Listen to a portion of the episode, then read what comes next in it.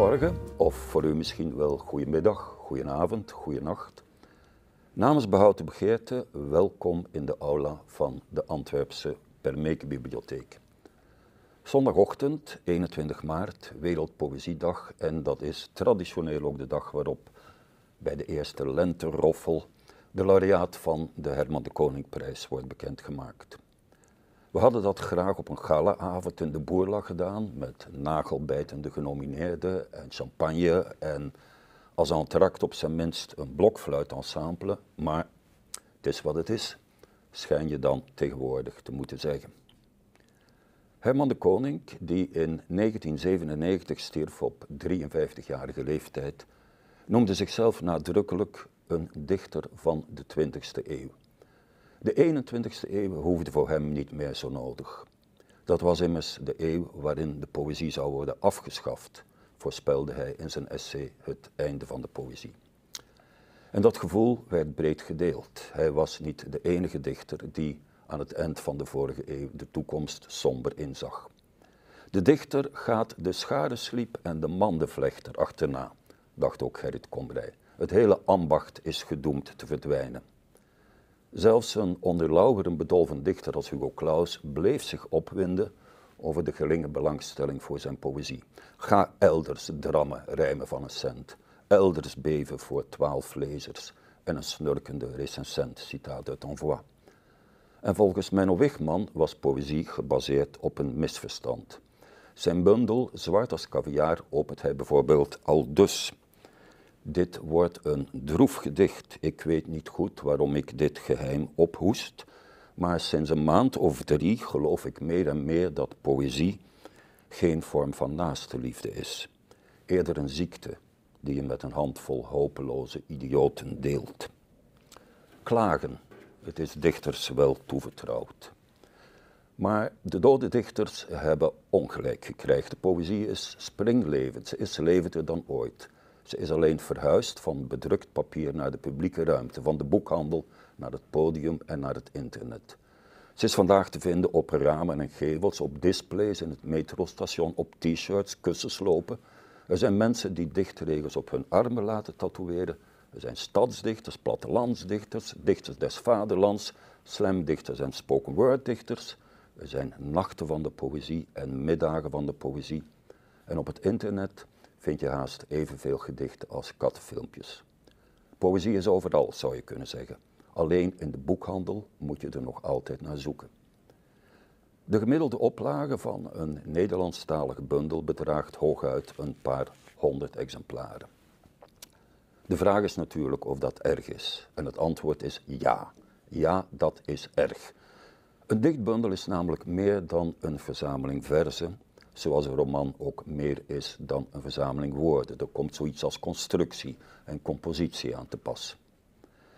De Herman de Koningprijs wil nadrukkelijk de aandacht vragen voor de dichtbundel als bedreigde cultuursoort. Dat er dit jaar toch weer 115 bundels werden ingestuurd, stemt hoopvol. De jury nomineerde daaruit zes bundels in alfabetische volgorde. Kreeg Owens voor haar bundel Guillaume, K. Michel voor zijn bundel En Rol Door, Alfred Schaffer voor Wie was ik? Strafregels, Moot van Houwaard voor Het Stad in mei, Anne Vechter voor Big Data en Wout Waanders voor Parkplan.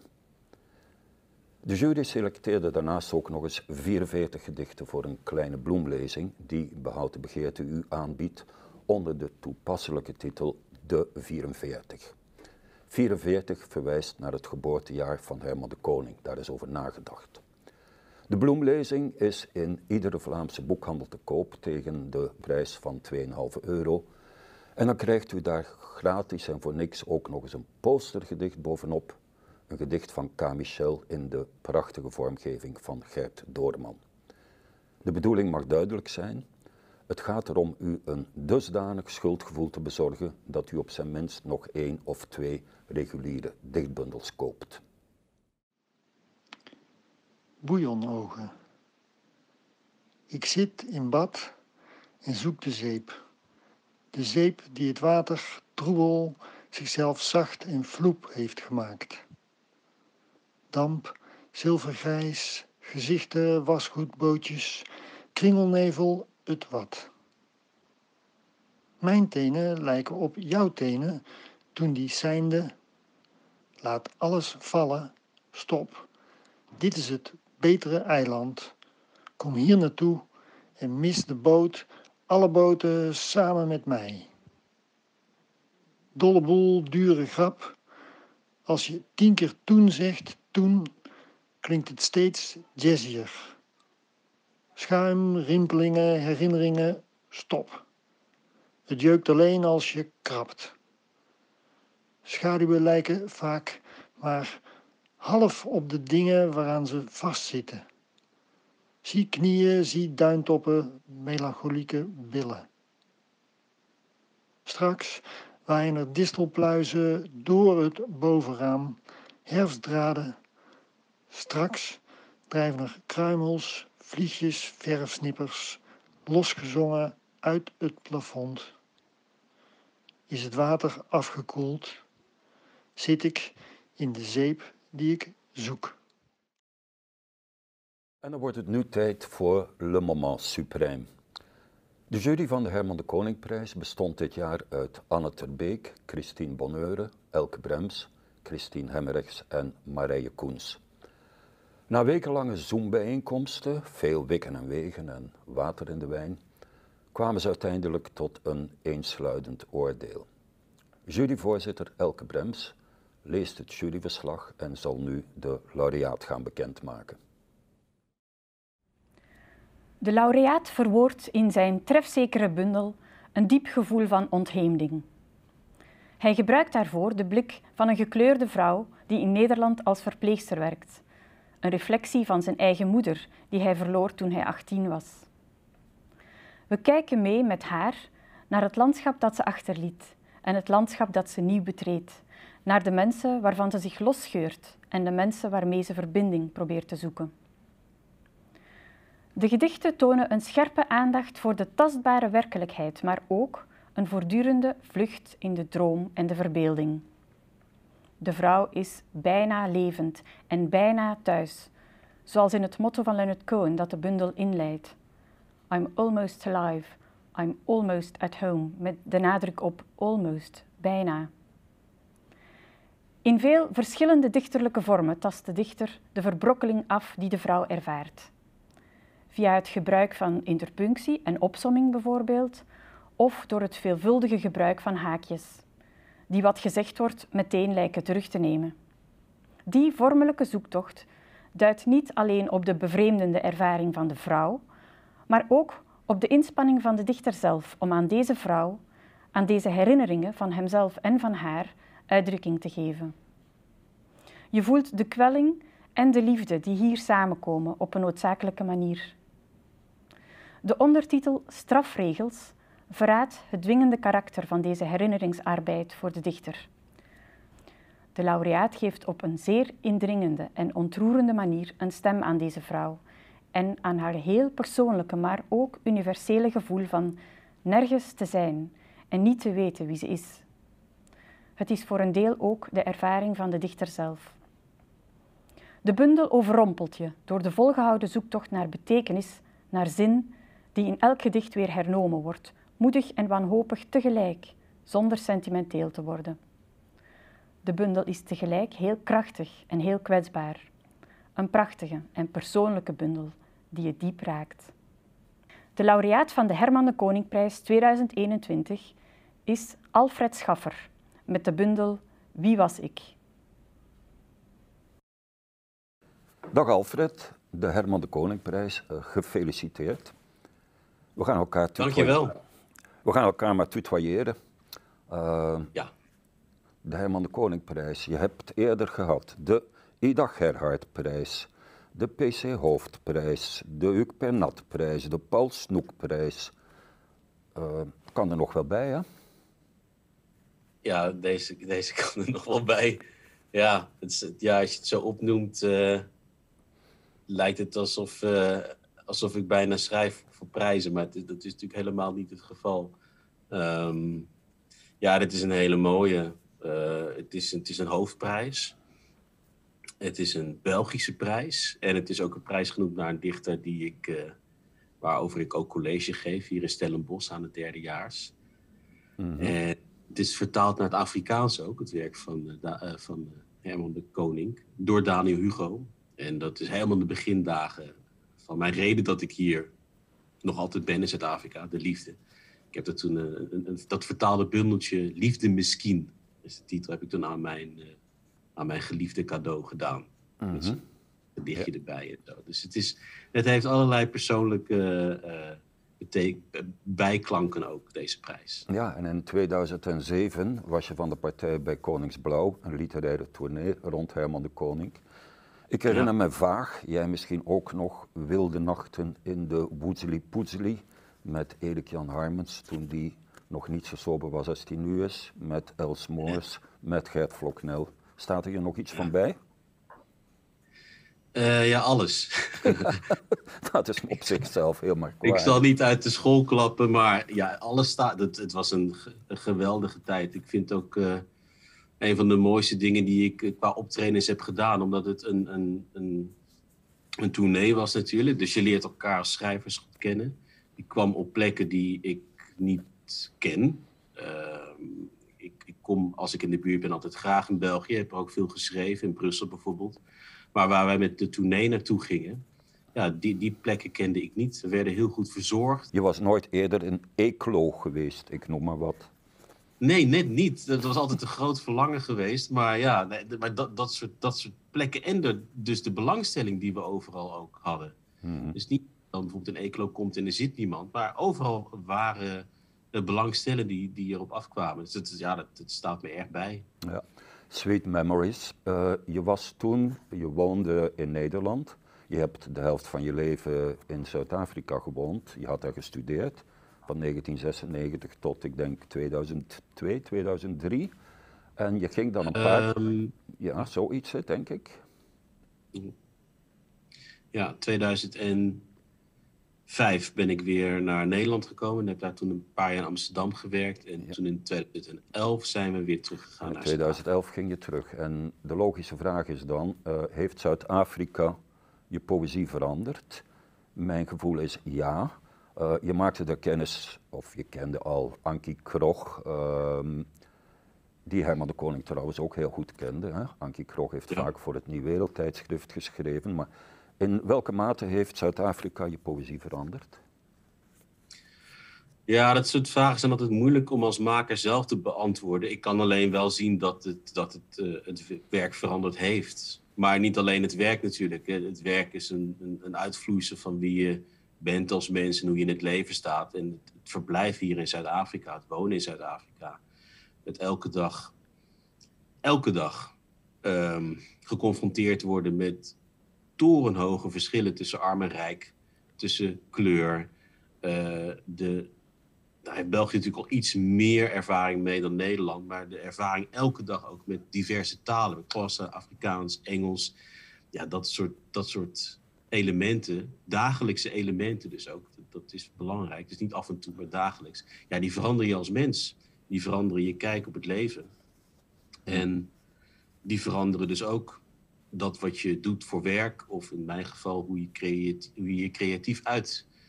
Uh, hoe het precies tot stand komt, zoiets, zo'n verandering in je werk, dat, dat kan ik zelf niet zo goed uh, uh, beoordelen. Maar ehm, dat het alles veranderd heeft, dat is, dat is een feit.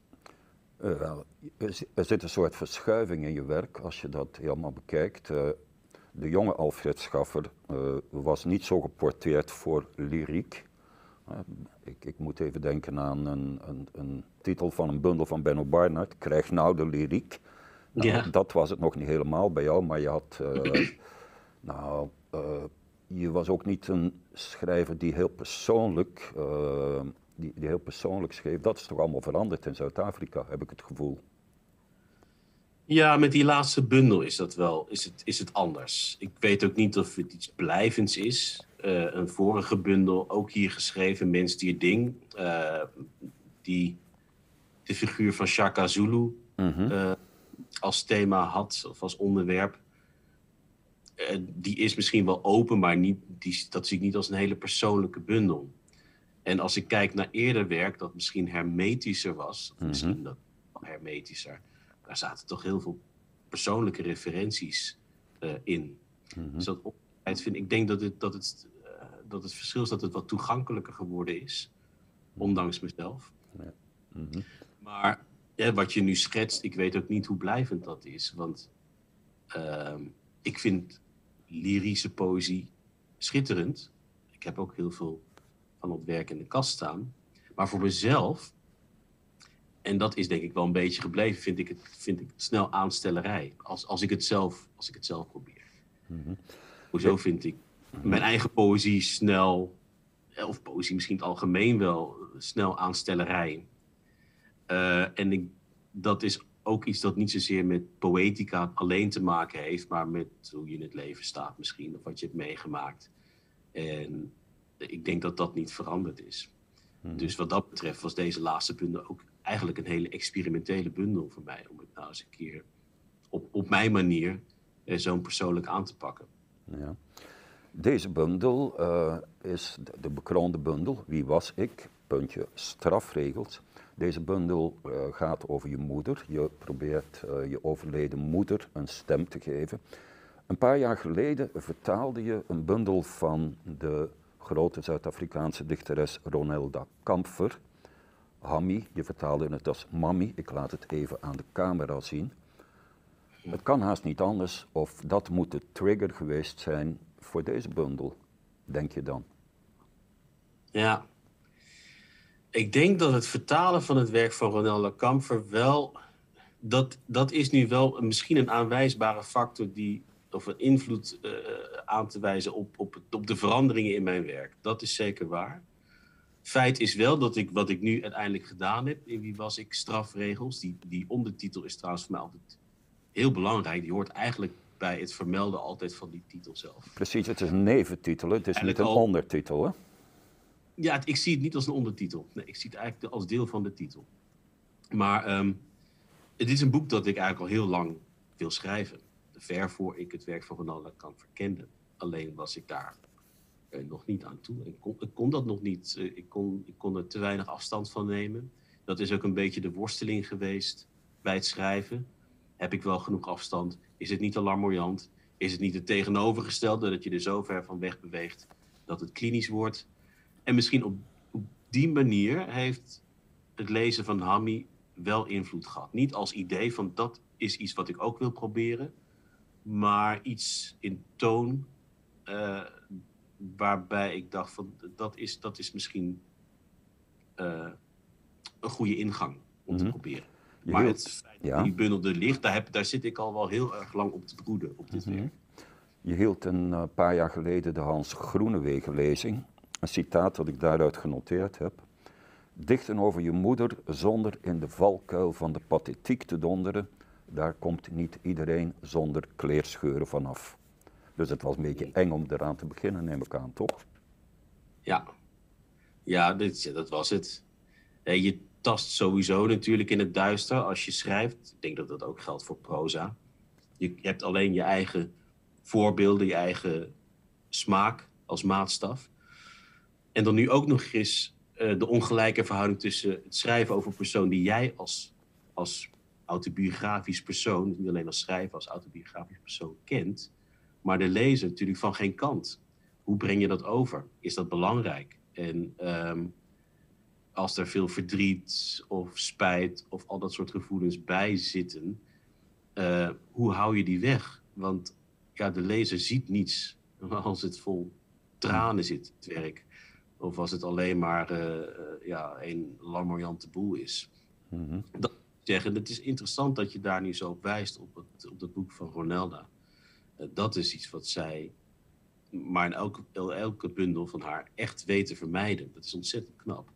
Ze doet ook humor bijvoorbeeld. Het is vaak een soort bittere humor, maar humor ook. Dat schept natuurlijk ook altijd afstand.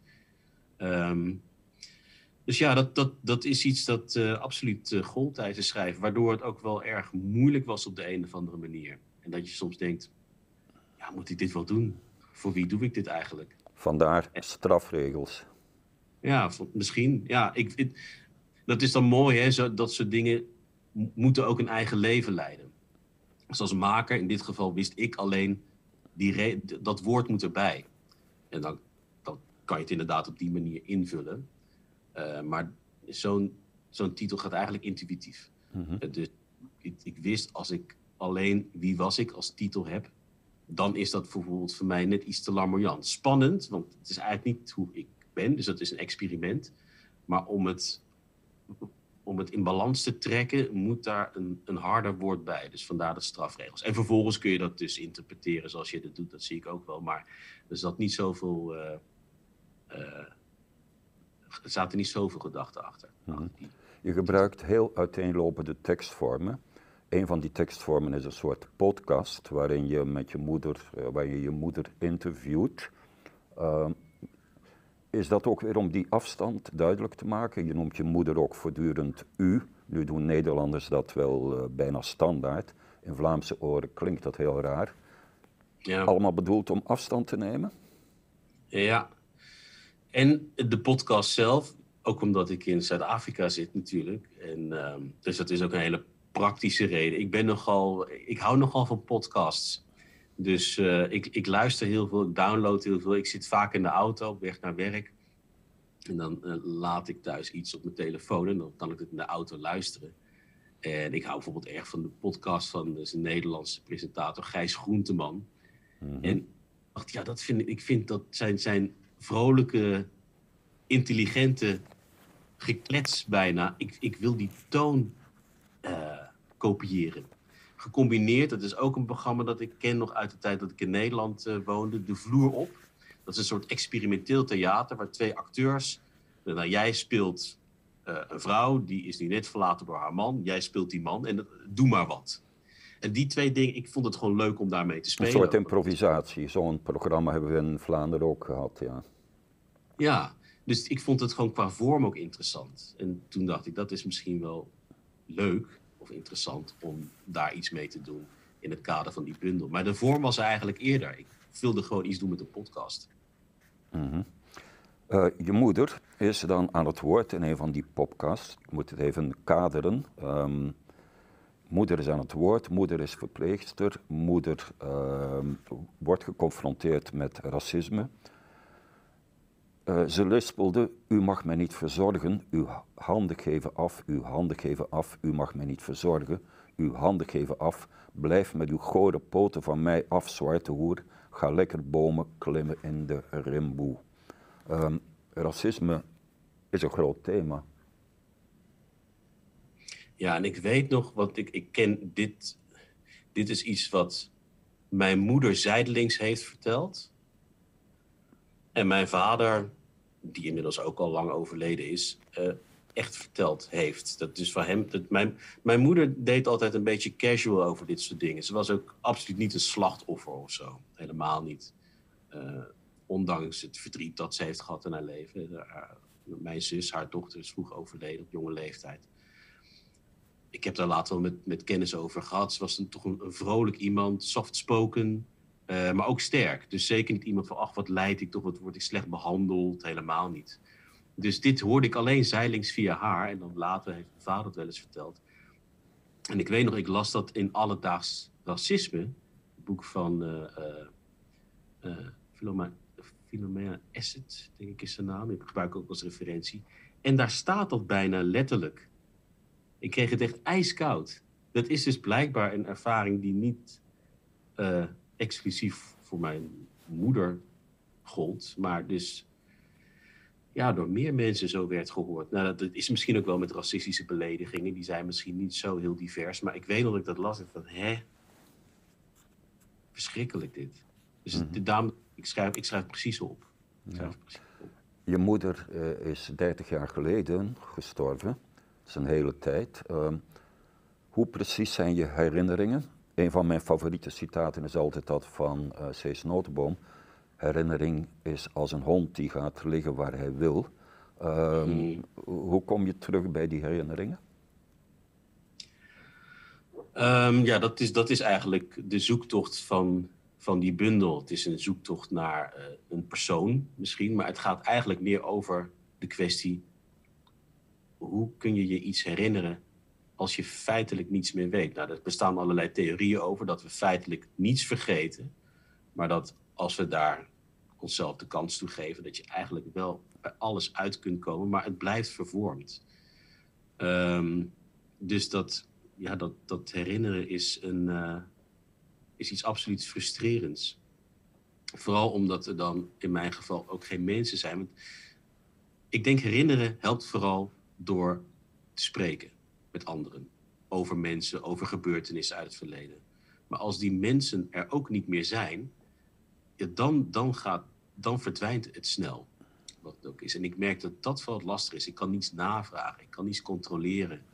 En ehm, ja, dan komt het meer en meer op aan, ja, op documenten die je misschien vindt en op fabuleren.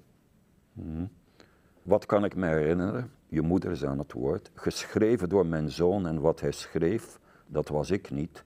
Kijk hem zwoegen op mijn stem, mijn dode stem, die je alleen kunt horen als je heel goed luistert met een stethoscoop of zo, of als je niet goed snik bent. Ja. Dat is het, hè? Dat is het, ja. En dat zijn dus de, de momenten die, die ik toch heb proberen in te bouwen, hoe fictief ook en futiel ook, om, om, het te laten lijken alsof we daar in gesprek zijn. Ja, Misschien is het mooi als je nu een gedicht gaat lezen uit die bundel. Ehm, heb je hem bij de hand? ja, Gaan we dat doen? Gaan we luisteren. is goed. Ehm, daarbij aangetekend, ik gebruik nu en dan papiaments in de bundel ook weer als een manier om dichterbij te komen. Een taal die ik me ook niet helemaal kan herinneren. Dus het kan heel goed zijn dat ik het niet meer goed uitspreek, maar ook dat kan ik niet meer controleren. Papiamento is de taal van Aruba, hè? Ja, is de taal van, van de eilanden. Ja, van de, van de ABC-eilanden. Bomeste wak pabokere. Eén seconde keek ik niet uit. Eén niksige seconde. Zo'n ochtend met heel schel geluid. Een bonkende wasmachine. Raspend geblaf bij de buren. Krakend gejuich op de radio. Krekels diep weggestopt in het kraterlandschap. Overgoten met loeihete schilfertjes zon. De wind in huis. De zee die boven alles raast. En kiekeboe speelt met mijn hier en nu. Een scherp, hardnekkig gekrijs ergens vandaan. Zomaar links van mij, vanuit mijn buik misschien. De spuug- en etensvlekken op mijn pas gewassen uniform. Zo kon ik met de beste wil niet naar mijn werk. Dat geloei. Stil werd ik ervan. Als een ijsvlakte. Met zo'n pijlsnelle drone die er overheen scheert. Over mijn huis. Over mijn eiland. Kijk, dat zwart-witte figuurtje daar, dat ben ik. Een flakkerende ziel, terwijl een ijssplinter ter grootte van een wolkenkrabber losschiet achter haar. Met trage spoed ineenstort. Het rimpeleffect van zo'n breuk. Het ging ook zo snel, alles scheurde. Koplampen die op je af blijven stormen, die er al zijn. Dus je trapt op de rem, geeft instinctieve ruk naar rechts. En opeens zit het daglicht hermetisch achter slot en grendel. En toen was ik het kwijt. En was ik alles kwijt, alles. IJsklont klapte op ijsklont zo bot en massief dat ik kraakte. Wit was mijn spierwitte uniform. Halleluja, maar daaronder was ik puin. Was ik gruis. Mijn naamkaartje in mijn huid getatoeëerd. Veel patiënten vergeten wat ik ben, want naamloos ben ik git en inkt en roet. Een donker spook dat bij de bedrand staat. Het separatiegordijn dichttrekt, de hartslag inspecteert en glimlacht. Altijd glimlacht. Echt, ik ben wel wat gewend. Dankjewel, Alfred. Nog eens gefeliciteerd. Dit gedicht staat onder meer in de kleine bloemlezing die gemaakt is van de inzendingen voor de Herman de Koningprijs, de 44. U kunt dat bundeltje kopen voor 2,5 euro, maar wees verstandig en koop er tegelijk deze bundel bij. Wie was ik? Strafregels. Dank jullie wel. Dank je.